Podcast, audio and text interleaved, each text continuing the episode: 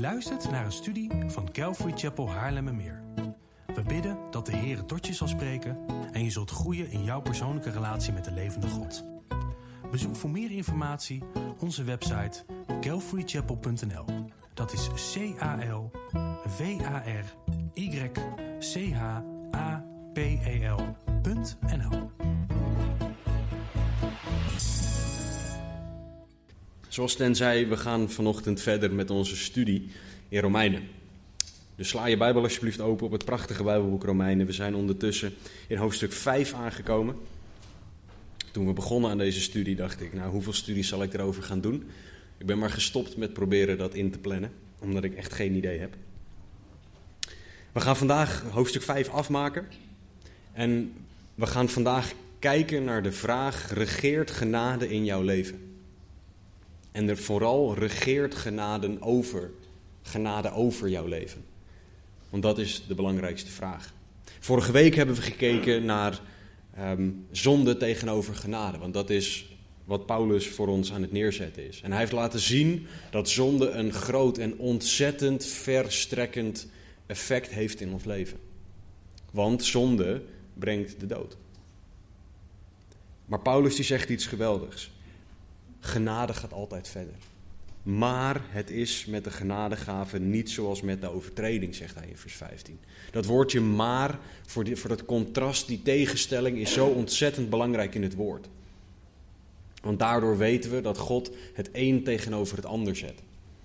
En we hebben gezien dat die genade van God, die zoveel groter is dan de zonde, dat die ons genoeg mag zijn in elke situatie. In 2 Korinthe 12, vers 9 en 10 krijgt Paulus van God te horen: Mijn genade is u genoeg. En de grote apostel Paulus moest leren leven door genade. Waar wij als mensen geneigd zijn vanuit onze natuur om te leven naar en door zonde, moest Paulus leren en mogen wij leren leven door genade. En Paulus is dit tegen, voor ons aan het neerzetten um, tegen de achtergrond van wat hij hiervoor gezegd heeft. Hij heeft ons laten zien dat redding door geloof is. Maar nu hij dat duidelijk gemaakt heeft, wil hij ook dat wij weten wat die redding in ons hoort te doen. En daarom is hij ons op genade aan het wijzen, want een van de effecten van dat je gered bent, is dat Gods heiliging in, in je aan de slag gaat. En dat doet hij onder andere door middel van genade. En het heiligingsproces, wat een gevolg is van het christen worden, dat heeft onder andere als doel dat genade jouw leven gaat regeren. Dat genade jouw denken, jouw doen en jouw laten gaat regeren. En dat is waar Paulus ons vanochtend op wil wijzen. Dus laten we samen lezen Romeinen 5. Ik zal beginnen in vers 15 om de hele gedachte van Paulus te laten zien. Maar we gaan vers 16 tot en met 21 samen behandelen. Romeinen 5, vers 15. Maar het is met de genadegave niet zoals met de overtreding. Want als door de overtreding van de ene velen gestorven zijn, veel meer is de genade van God. En de, en de gave door de genade die er is, door de ene mens Jezus Christus, overvloedig geweest over velen. En het is met de gave niet zoals het was door de ene die zondigde. Want de veroordeling leidde ten gevolge van één overtreding wat tot verdoemenis, maar de genadegave bij vele overtredingen tot rechtvaardiging.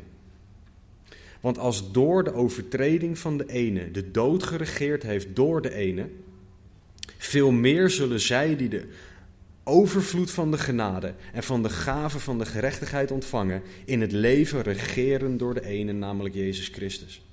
Zoals nu door één overtreding de schuld gekomen is over alle mensen tot verdoemenis, zo komt ook door één rechtvaardigheid de genade over alle mensen tot rechtvaardiging van het leven.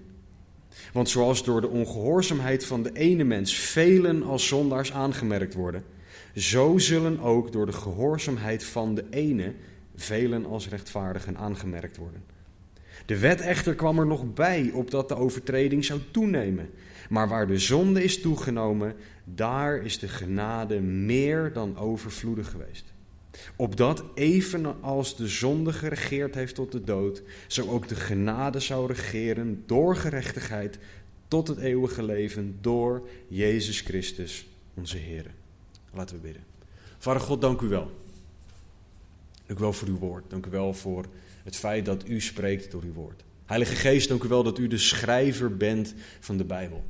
En daarom vragen wij u dat u als auteur van het woord uitlegt wat uw woord betekent. Heilige Geest, spreek door mij heen. Laat er alleen maar woorden van eeuwig leven uit mij komen. Heren, en dat betekent dat er niks van mij bij zit en alleen maar alles van u. Dus spreek alsjeblieft, raak alle harten aan van iedereen die hier aanwezig is, die meekijkt, het gaat naluisteren. Heren, doe wonderen alsjeblieft. Verander ons en laat uw genade meer en meer en meer gaan regeren. Heren, dat vragen we in Jezus' naam. Amen. Paulus is aan het uitleggen hoe groot de genade is ten opzichte van de zonde. Hij is aan het uitleggen hoe, of wat het effect van genade hoort te zijn in ons leven. En hij gaat in vers 16 verder met de, met de uitleg over Gods genade, die veel meer is, die genade. En hij gaat laten zien dat in één stuk eigenlijk, vers 15 tot en met 19, hoe groot die genade is, wat het effect van die genade is en dat die genade in ons hoort te regeren. En hij heeft het in vers 16 over de gave. Hij zegt, en het is met de gave niet zoals het was door de ene die zondigde. En dat, die gave die verwijst naar wat hij in hoofdstuk 15 noemt. Het is met de genadegave, niet zoals met de overtreding. Dus wat die gave is, is het daadwerkelijke cadeau dat God geeft. De genade die wij mogen ontvangen. De genade tot redding, de genade tot Gods liefde, de genade tot Gods voorziening, de genade tot het zijn van Gods kind, de genade tot elke zegen van God. Dat is waar we het over hebben. En dit is gegeven door Jezus offer aan het kruis voor onze zonden. En deze genadegave is, de, genadegave is er voor iedereen die gelooft. Want dat is de achtergrond waar Paulus ons over aan het onderwijzen is. Paulus was begonnen in het begin van Romeinen om uit te leggen dat iedereen die redding nodig heeft, daarna dat redding door genade is, of redding door geloof is, sorry. En daarna dat deze genade op basis van geloof in ons mag gaan regeren. Dus dat moeten we continu in ons achterhoofd houden, dat dat de achtergrond is waarmee Paulus ons nu op genade aan het wijzen is. En hij zegt dat deze gave, dit cadeau, deze genadegave, heel anders is dan de zonde en haar gevolgen. Hij zegt, want de veroordeling leidde ten gevolge van één overtreding wel tot verdoemenis. Oftewel, die ene zonde leidde tot verdoemenis voor iedereen. Romeinen 3:19 zegt dat de hele wereld doemwaardig voor God is op basis van zonde. Maar Paulus zegt, maar de genadegave. Maar de genadegave leidt bij vele overtredingen tot rechtvaardiging. Wat Paulus op een briljante manier doet, en dat doet hij specifiek in vers 16 tot en met 19, is continu het contrast schetsen tussen het effect van de zonde en het effect van de genade. En hij zegt één zonde leidt tot eeuwige verdoemenis. Laat staan de hele stapel zonden die wij hebben. Maar één genadegave wast al die zonden weg. Zo ongelooflijk groot is de genade waar we het over hebben. Eén zonde leidde tot de veroordeling van de mens, maar één genadegave is vergeving voor iedereen die gelooft. Totale, complete, voor eeuwig vergeving. Jezus stierf één keer voor alle zonden. Dat is hoe groot deze genadegave is. En Paulus wil dat wij doorhebben, dat jij, u en ik doorhebben, dat genade altijd groter is. Er is geen zonde die wij kunnen bedenken waarvan God zegt: nee, mijn genade is nu niet meer toereikend. Er is geen zonde waarvan God zegt: jammer, hiervoor is Jezus niet gestorven. Alles wat wij gedaan hebben, alles wat wij kunnen doen, behalve tot en met ons, ons sterven, Jezus afwijzen, Voor de rest, zegt Jezus, over elke zonde is mijn genade genoeg. De zonde is nooit sterker dan de genade. En dat is wat wij moeten begrijpen. Dat is wat Paulus wil dat wij zien. En deze genade mag in jouw leven gaan regeren. Dus waar jij ook mee worstelt, waar je ook mee zit, Gods genade is altijd groter. Altijd sterker, altijd toereikend. Mijn genade is u genoeg, om met 2 Korinthe 10 te spreken. Of 12, sorry. Paulus gaat verder met het schetsen van de volgende contrasten in vers 17. Hij zegt, want als door de overtreding van de ene, een ene met een kleine letter, dat is Adam, de dood geregeerd heeft door de ene, veel meer zullen zij die de overvloed van de genade en van de gave van de gerechtigheid ontvangen, in het leven regeren door de ene met een hoofdletter, namelijk Jezus Christus. Wat Paulus doet, is hij gebruikt hier twee contrasterende woorden. En dat is gewoon heel moeilijk Nederlands voor hij zet dood tegenover leven. Paulus zet twee ideeën tegenover elkaar die niet met elkaar samengaan, die compleet tegenovergesteld zijn. Dood en leven. Die twee die gaan niet samen. Maar toch heeft Jezus van dood naar leven gaan mogelijk gemaakt. In en door genade. Want het effect van de zonde was wel dat de dood geregeerd heeft. Dat is namelijk door de ene, door Adam.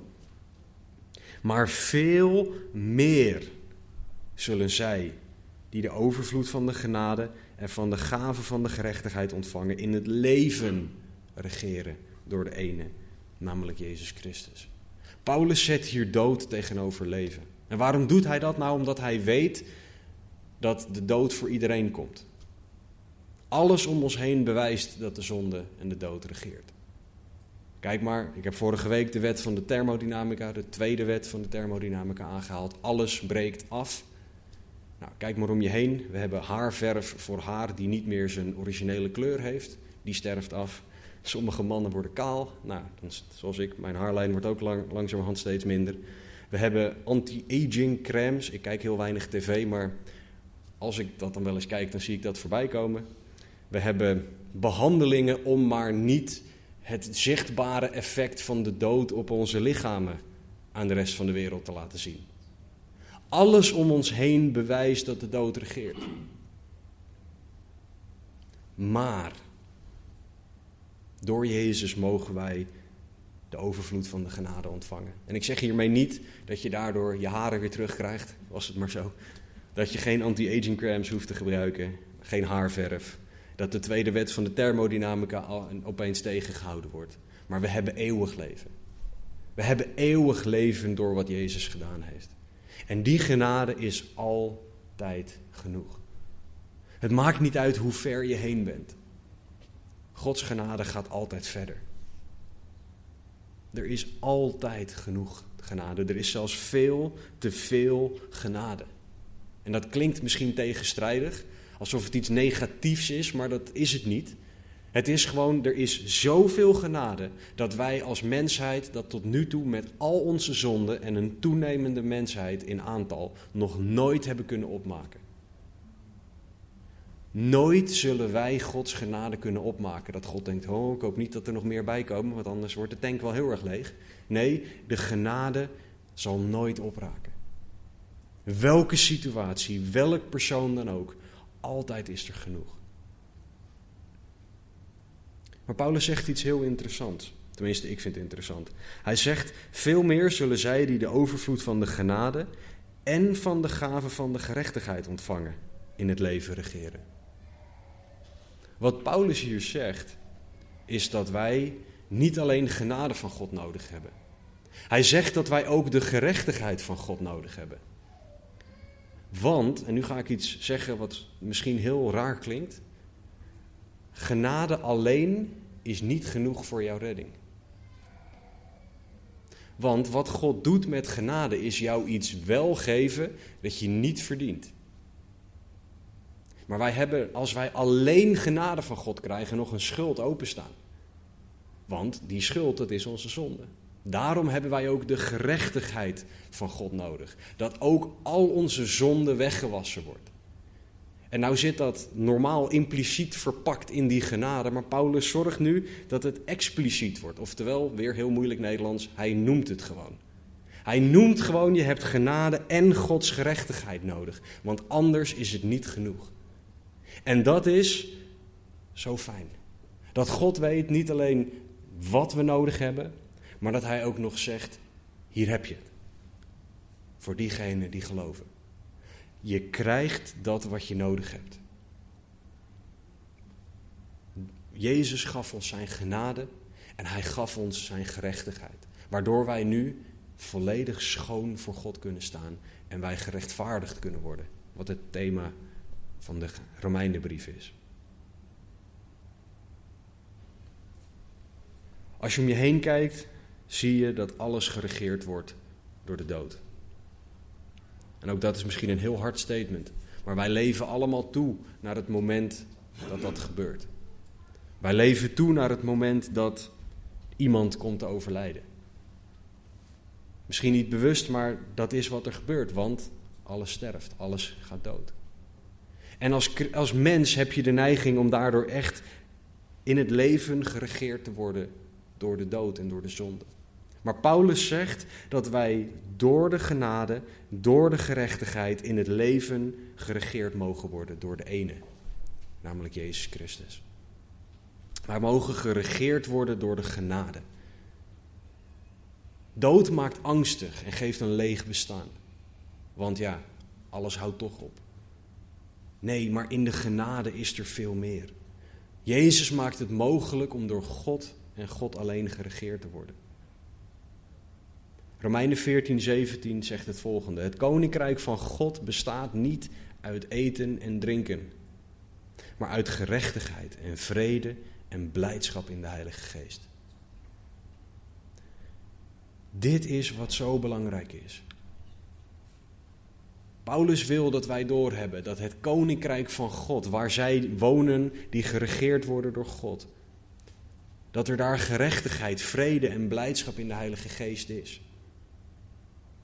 Romeinen 14, 17 maakt ons duidelijk hoe God wil dat ons leven eruit ziet als wij geregeerd worden door de genade. Een leven dat in, dat in gerechtigheid geleefd wordt, waarbij wij recht voor God staan, de rechtvaardige dingen doen. Een leven waarin wij vrede met God hebben, vrede van God hebben. En blijdschap in de Heilige Geest. Hoe geweldig is het om blije mensen tegen te komen. Niet zo'n Ior waarbij het leven alleen maar zwaar en vervelend en naar en zwaar is. Nee, mensen die gewoon blij zijn omdat ze een huis hebben, een, een, een, iets hebben om te eten. En mensen die blij zijn om, met een Bijbel, zodat ze God kunnen leren kennen. Mensen die dankbaar zijn voor alles dat God ze geeft. Dankbare mensen zijn de meest fijne mensen om, in de, om om je heen te hebben. Want die zijn blij met alles wat je voor ze doet. Zelfs als je niks voor ze doet. Dan moet je daar geen misbruik van maken voor de duidelijkheid. En dan maar niks doen. Maar je mag blij zijn met dankbare en blije mensen. Dit is hoe God wil dat jij mag leven. Dit is wat God voor jou heeft als genade in jou regeert. En dit is wat het betekent om geregeerd te worden door de ene met een hoofdletter, namelijk Jezus Christus. Dit is hoe je leven eruit mag zien als genade in jou regeert. En dit is oneindig veel beter dan geregeerd worden door zonde en dood. Want zonde en dood richt je op de dingen die er niet zijn. Geregeerd worden door genade richt je op de dingen die er wel zijn. En vooral wie er is, namelijk Jezus Christus onze Heer.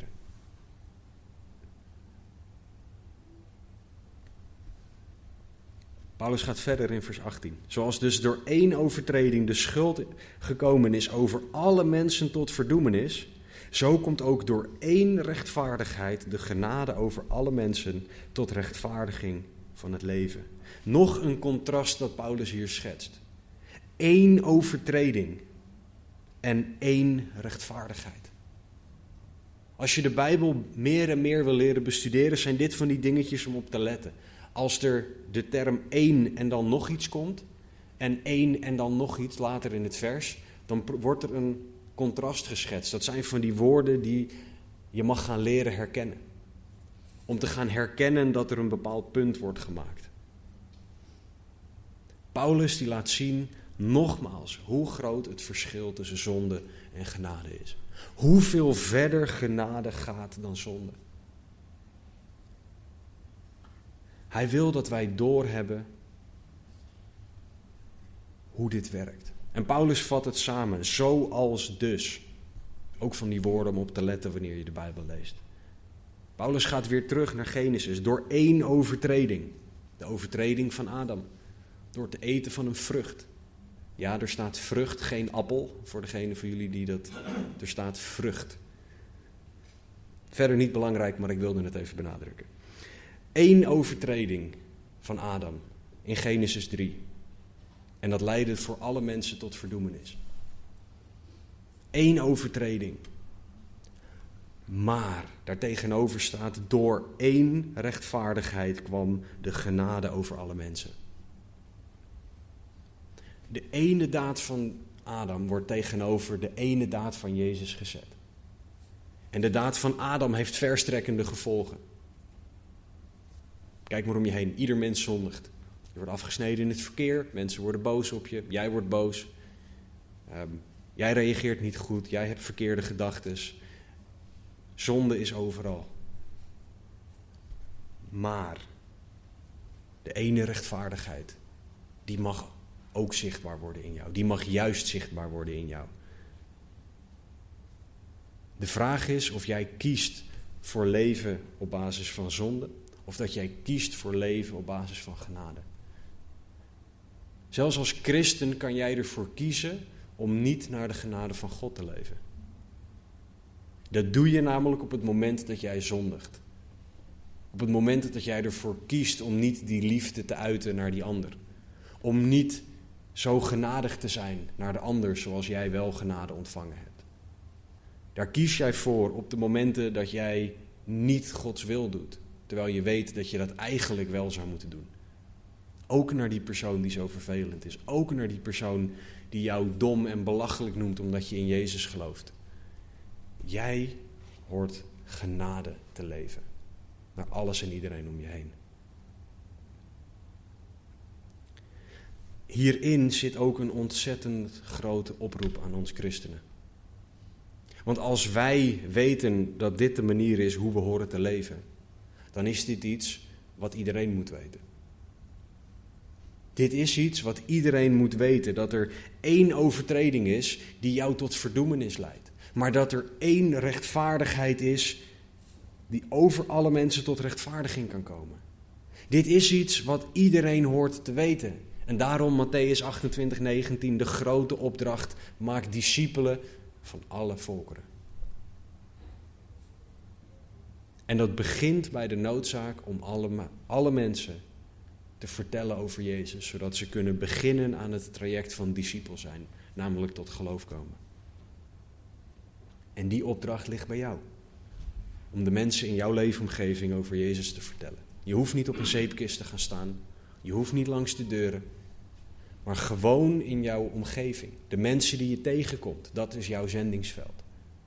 In de supermarkt, op school, op je werk, Misschien nu digitaal via, voor je werk. Maar alle mensen die jij tegenkomt zijn jouw zendingsveld. Vertel jij hen over die ene overtreding, maar vooral over die ene rechtvaardigheid? Of vind je dat dat iets voor iemand anders is? Of weet je nog niet genoeg? Er staat nergens in Matthäus 28, 19: Maak discipelen pas wanneer jij niveau 5 bereikt hebt van christen zijn. Er staat, maak discipelen van alle volken. Dat is de taak die er voor jou en voor mij ligt. Dit is wat iedereen moet horen en moet weten. De vraag is of jij luistert en of jij, of jij gehoorzaamt. Paulus lijkt hier te zeggen, als je vers 18 compleet uit zijn context haalt, dat Gods rechtvaardiging over alle mensen komt. Tot rechtvaardiging van het leven, oftewel van iedereen. Alle wegen leiden naar Rome. Iedereen wordt gered. Dat is niet wat hier staat. Want je moet dit in zijn context lezen. Paulus is hier voor aan het vertellen geweest over dat genade nodig is, dat redding nodig is, maar dat redding alleen door geloof komt. Dit staat hier met de gedachte, je hebt gelezen wat er hiervoor staat. Dus dat je daardoor weet dat redding alleen door geloof is. Deze, de genaden die over alle mensen komt, deze alle mensen, omdat je dat in zijn context moet lezen, gaat over de mensen die geloven. En iedereen krijgt de mogelijkheid om te geloven. God biedt het aan iedereen aan. Maar het gaat hier wel over de mensen die geloven. Dit is waar in dingen in zijn context lezen heel erg belangrijk is. Eén zonde, één rechtvaardigheid. De vraag is: leef jij door zonde of leef jij door en naar de rechtvaardigheid van God? Vers 19, want zoals door de ongehoorzaamheid van de ene mens velen als zondaars aangemerkt worden, zo zullen ook door de gehoorzaamheid van de ene velen als rechtvaardigen aangemerkt worden. Paulus gaat door met zijn conclusie dat de zonde van één mens gevolgen heeft gehad voor de mensheid. En hij, hij trekt hierbij de niet uitgesproken conclusie dat het niet de vraag is of, maar wanneer je voor het eerst gaat zondigen. En dat ieder mens die onder de regel valt, je bent een mens, dus je bent een zondaar, dat die een probleem heeft. De, de ongehoorzaamheid van de ene mens, en hij, er staat hier velen, maar hij wijst ermee op alle mensen. Want hij heeft eerder gezegd dat alle mensen doenwaardig zijn voor God. Alle mensen zijn zondaars. Zo kunnen ook alle mensen, omdat iedereen daar de mogelijkheid toe heeft, door de gehoorzaamheid van de ene, namelijk Jezus Christus, als rechtvaardige aangemerkt worden. Het is dus van levensbelang wie je navolgt. Volg jij de zondige natuur na, die ene met een kleine letter Adam? Of volg jij de genade na, en ene met een hoofdletter, namelijk Jezus Christus, de Heer? Dat bepaalt door wie jij geregeerd wordt. Van nature zullen wij onze zondige dingen doen. De dingen waar wij centraal staan. In het Engels zeggen ze: I is at the center of sin. Het Engelse woord voor zonde is sin, S-I-N. En het woordje, of de letter I, die ook ik betekent in het Engels, staat daar centraal. En als je eens goed je eigen zonde gaat analyseren, wat soms echt heel nuttig kan zijn, dan kom je erachter dat daarbij altijd jouw wil centraal staat. Wat ik wil, is wat nu bereikt moet worden. En dat maakt niet uit hoe. Ik sta centraal in mijn zonde. En dan regeert genade niet meer. Dan regeer ik. En dat is een probleem. Want God wil dat de genade in ons regeert. Dat wij leven naar wie Jezus is. En niet leven naar wat ik wil. Want dat is leven naar de zonde. Adam bracht de dood, de eeuwige dood voor degenen die niet zouden gaan geloven. Zij zullen als zondaars aangemerkt worden en dat heeft een gevolg. Maar Jezus kwam naar de aarde om Gods wil te doen, zodat wij nu eeuwig in de hemel kunnen leven.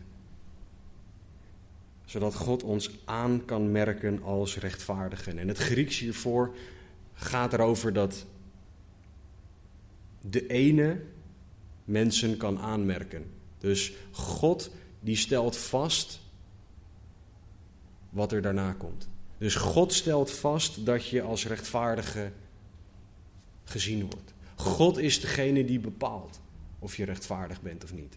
Ja, maar ik ben toch een goed mens. Ja, de vraag is niet wat jij vindt, de vraag is wat God vindt. Ja, maar ik doe toch goede dingen? Nee, het gaat erom wat God vindt, niet wat jij vindt. 2 Korinthe 5, 21 verwoordt het als volgt.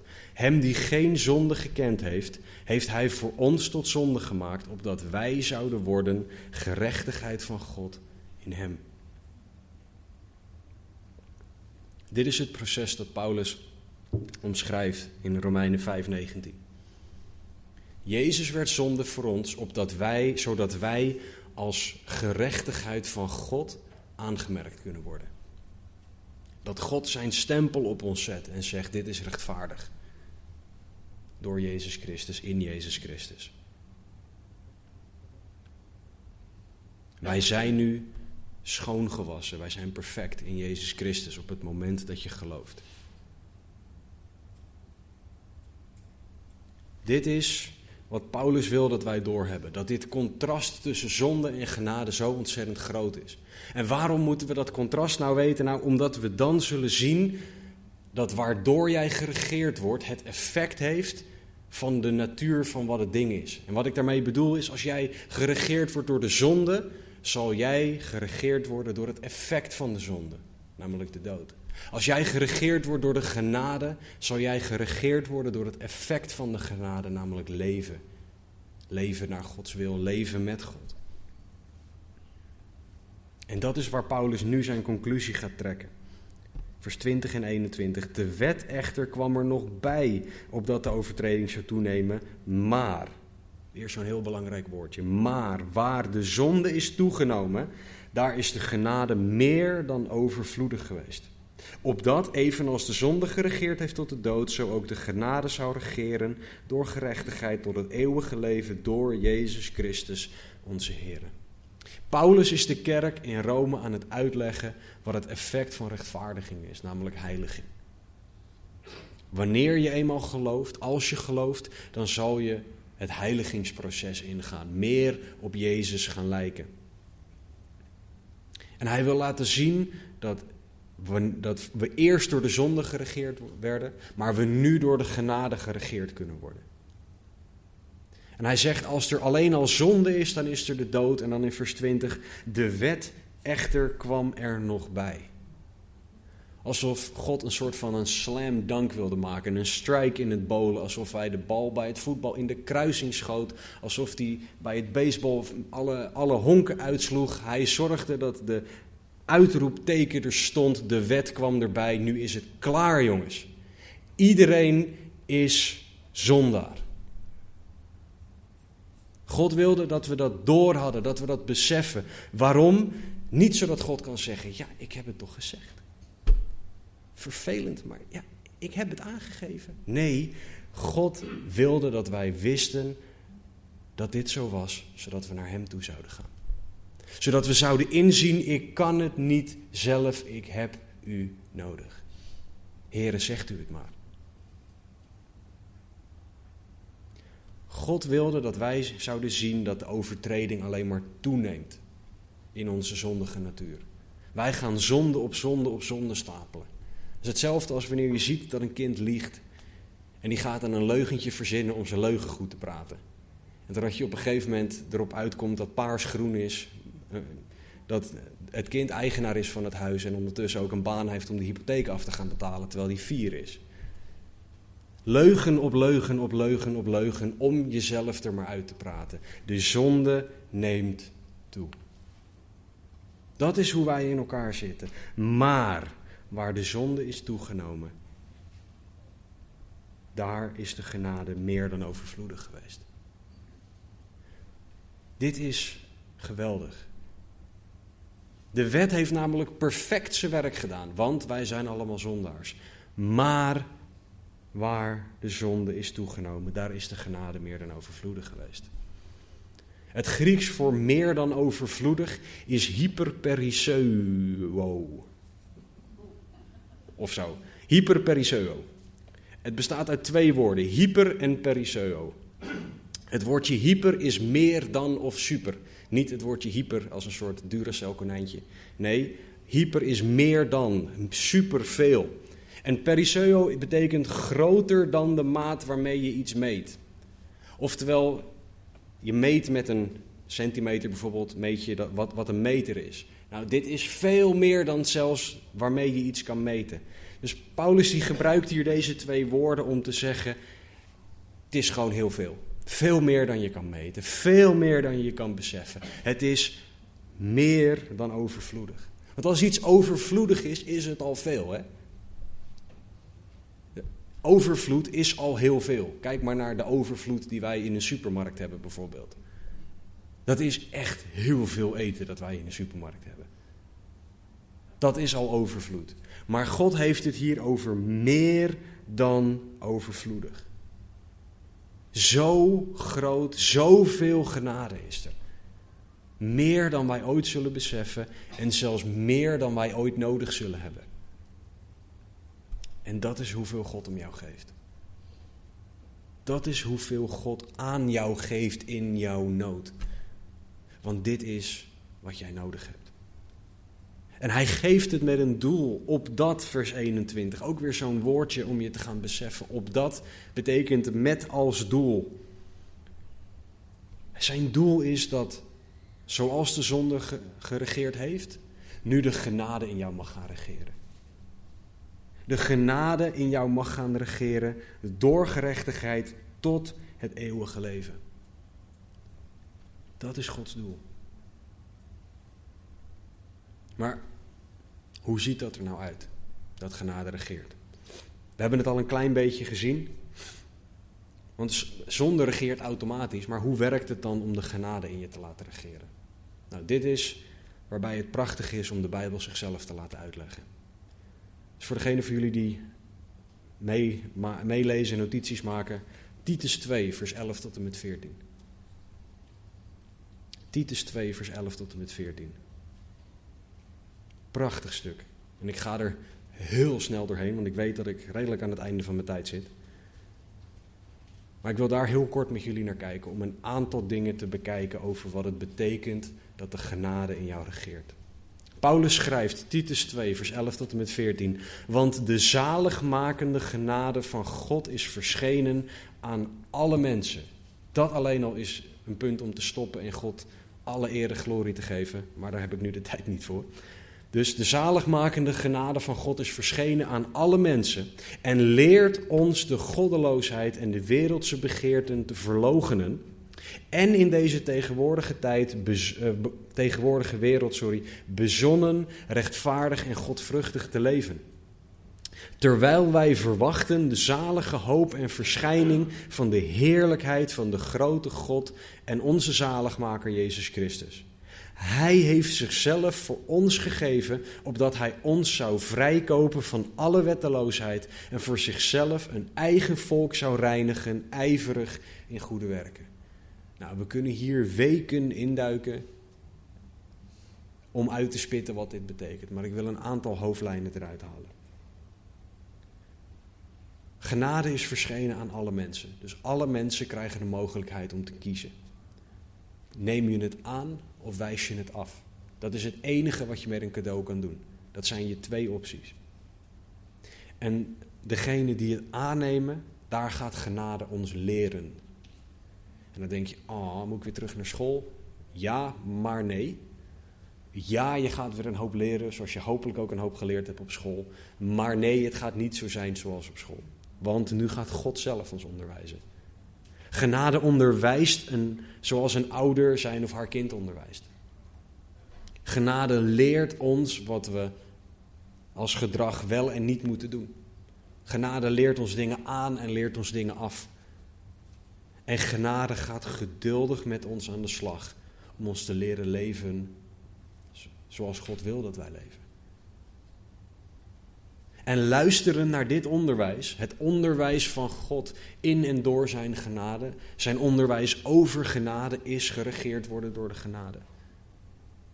Dus de vraag is, hoeveel van jou heeft Gods genade? Hoeveel ben jij overgegeven aan die genade? Is dat maar een heel klein beetje? Of is dat jouw hele leven? Nou, en wat leert genade ons dan? Genade leert ons om de goddeloosheid en wereldse begeerten te verloochenen. Genade gaat ons leren om goddeloosheid en zonde ver van ons, of daar ver weg van te blijven. Om keuzes te maken waardoor je weg blijft bij zonde. Als jij worstelt met alcohol en je hebt een stamkroeg, dan zal genade jou leren om om te rijden zodat je niet in de buurt van je stamkroeg komt. Als jij worstelt met gokken, moet je niet voor de deur van een casino gaan staan en denken: Heer, wat wilt u nou van mij? God wil dat je niet in de buurt van dat stomme casino komt. Want dat is iets wat jou verleidt. En zo gaat genade jou leren. Door die genade ga je meer op Jezus lijken. En je gaat alle begeertes, alle mooie dingen van deze wereld, die jou naar zonde leiden, ga je afleggen. Omdat het niet naar Gods wil is. Dat is wat genade in jou doet. Dat is wat het genade regeert in jouw leven betekent. En zonde verlogenen, dat is gewoon weer zo'n moeilijk Nederlands woord voor nee zeggen. Nee zeggen tegen zonde. Dat is wat genade jou gaat leren. Nee zeggen tegen die verleidingen. En bewuste keuzes maken om wel voor God te leven. Genade gaat je leren om in deze tegenwoordige wereld bezonnen, rechtvaardig en godvruchtig te leven. Bezonnen betekent bewust. Niet gewoon maar alles laten gebeuren. Nee, bewust voor God leven. Rechtvaardig door Jezus leven, rechtvaardige keuzes maken. Als je een fout gemaakt hebt, erkennen dat jij de fout gemaakt hebt. Ik werk voor een bedrijf waar heel veel mensen dat niet doen. Dan is het altijd iemand anders. Het is soort van hetzelfde als dat een kind chocolade heeft gegeten. De hele toets zit onder, maar nee, ik heb geen, geen chocola op. Niemand heeft aan die chocoladereep gezeten. Rechtvaardig leven betekent dat jij onder andere ook toegeeft: oké, ik heb het gedaan. Ik heb gezondigd, ik heb een fout gemaakt. Vergeef me alsjeblieft. Genade leert ons om godvruchtig te leven. Dat jij goddelijke vruchten gaat dragen. Dat, jij, dat jouw leven zichtbaar wordt als, als iets waar God blij mee is. En dat kan alleen door de Heilige Geest. En dit kan alleen maar als jij geregeerd wordt door genade. Bezonnen, rechtvaardig en godvruchtig leven. Alleen door genade. De genade gaat ervoor zorgen en gaat ons leren om Jezus te verwachten. Maranatha, Heer, kom snel terug. Dat is vooruitkijken. Door de genade ga je vooruitkijken. En niet zo ver met je hoofd in de wolken dat je niks meer voor deze wereld kan betekenen. Maar je gaat Jezus' terugkomst verwachten. Dat ga je belangrijker vinden dan die nieuwe auto, dat extra grote huis terwijl je gewoon al goed woont. Als God je daartoe trouwens leidt om dat te kopen, be my guest. Ik, hoorde een keer, volgens mij vertelde Taco dat over een, een broeder in de heren die multimiljardair is. En die daardoor toegang heeft tot mensen waar ik als niet-multimiljardair geen toegang toe heb. En die persoon moet af en toe dingen kopen waarvan wij denken: waarom moet dat zoveel geld kosten? Om in die cirkels te komen van die mensen. En die persoon doet dat volledig biddend. Maar dat is, is maar om te zeggen dat God mensen op allerlei plekken heeft, op allerlei manieren wil gebruiken. En dat zolang wij de wederkomst van Jezus verwachten, we dat belangrijker vinden dan ik moet dit nieuwe gadget hebben. Ik moet en ik zal dat kopen ten koste van alles. Dan geef ik maar even wat minder aan de kerk, want ja, ik moet en ik zal dit hebben. Genade zal onze blik veranderen op de eeuwigheid. Genade zal ons zalige hoop geven. Dat we daarop gericht zijn. We verwachten dat Jezus dan elk moment terugkomt en dat we daardoor ook bewust gaan leven. Dat is wat genade doet. Dat je bezig bent met, wil ik gevonden worden door de Heer of wil ik opgenomen worden terwijl ik dit aan het doen ben? Dat is een goede vraag om je af te vragen bij de dingen die je doet.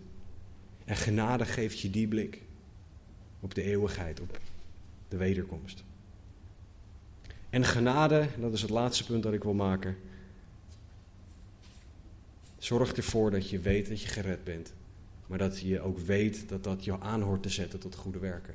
Onder andere Matthäus 28, 19, discipelen maken. Maar ook gewoon goed doen zoals het woord dat omschrijft. Aan de wereld, aan je broeders en zusters. Goed doen zoals God dat wil. Jouw redding hoort jou aan te zetten tot God dienen. Als dat het niet doet, dan mag je heel gauw terug op je knieën naar de Heer en vragen: wat er aan de hand is. Want iedereen in het woord die we zien die gered zijn, willen één ding en dat is God dienen. Dus wij horen door de genade aangezet te worden tot handelen, tot God dienen. Dit is wat genade in het leven doet van hen die geregeerd worden door de genade. Genade regeert staat gelijk aan God regeert. En dat betekent dat we goddelijke keuzes zullen gaan maken. En de hamvraag, en ik weet dat ik daarmee gewacht heb tot helemaal aan het einde, is hoe ontvang je dit? Nou, dan hoor je volgende week. Nee. Het zou een hele slechte cliffhanger zijn. Vraag het God. Bid. U hebt niet omdat u niet vraagt. Heer, laat uw genade in mij regeren en haal alles weg wat dat in de weg staat. We moeten dingen niet te moeilijk maken, want God wil dat wij als kinderen bij Hem komen. En als mijn kinderen iets willen, ze zijn nog klein, dus soms roepen ze gewoon dat ze iets willen. Eten, drinken, snoepje. Maar we mogen het vragen zoals kinderen dingen aan hun ouders horen te vragen. De belangrijkste vraag is, geloof jij? De belangrijkste vraag is of jij gered bent.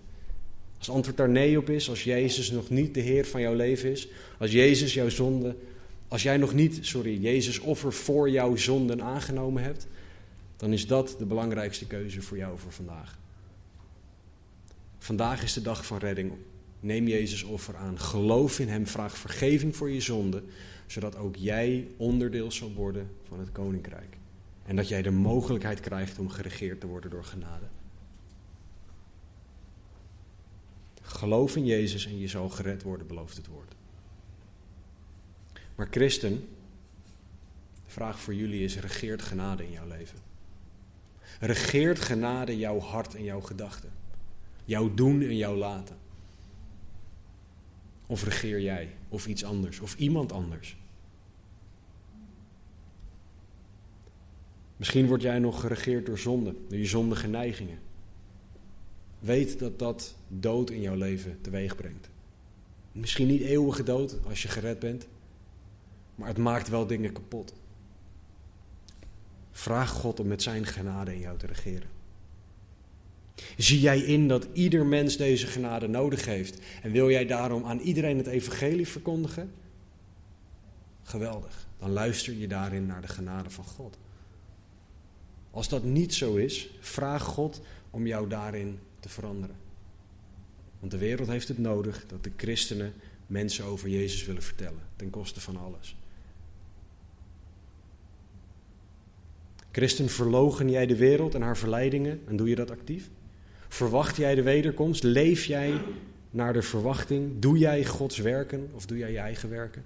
Ga Titus 2, vers 11 tot en met 14 deze week lezen. En vraag God om dat realiteit te maken in jouw leven. Want dat is geregeerd worden door genade. Laten we bidden. Vader God, dank u wel. Dank u wel. Dank u wel dat wij überhaupt het over genade mogen hebben. Heren, want dat is al een uiting van die genade. Heren, dank u wel dat wij niet meer geregeerd hoeven te worden door de zonde. Maar dat wij geregeerd mogen worden door de genade. Dank u, Heer, dat u zo ontzettend goed bent. En Heer, dank u wel dat u uzelf kenbaar maakt aan ons. Heer, spreek tot iedereen die u nog niet kent, breng ze tot geloof. Heren, laat ze niet het uitstellen tot morgen of denken, nou komt wel een keer, heren. Nee, vandaag is de dag van redding. Heren, want we weten niet of we er morgen nog zijn. Dus heren, breng mensen nu op dit moment tot geloof, heren. Want ik geloof dat dat uw wil is. En heren, voor iedereen die christen is, die niet geregeerd wordt door de genade, heren, breng ze terug bij de genade. Laat iedereen die u kent iedereen die in u gelooft, Heer, elke dag meer geregeerd worden door de genade dan door wat dan ook. Heer, haal alles weg uit onze hart, uit onze gedachten, wat geregeerd wordt door genade in de weg staat. Heer, doe wonderen alstublieft. Dank u wel. Paulus zegt, Romeinen 5:21, opdat evenals de dood of de zonde geregeerd heeft tot de dood, zo ook de genade zou regeren door gerechtigheid tot het eeuwige leven, door Jezus Christus onze Heer. Dat is mijn gebed voor jullie deze week. Geregeerd worden door genade. Tot eeuwig leven, door Jezus Christus onze Heer. Het binnensteam zal ons leiden in misschien twee liederen. Gebruik die tijd om te bidden. Om het uit te roepen naar de Heer in gebed. Vraag Hem om je duidelijk te maken wat er tussen jou en Hem instaat, waardoor de genade nog niet zo regeert als dat zou kunnen en zou moeten. En vraag God om jou hierin te veranderen, zodat genade gaat regeren op Zijn manier. Gezegende week.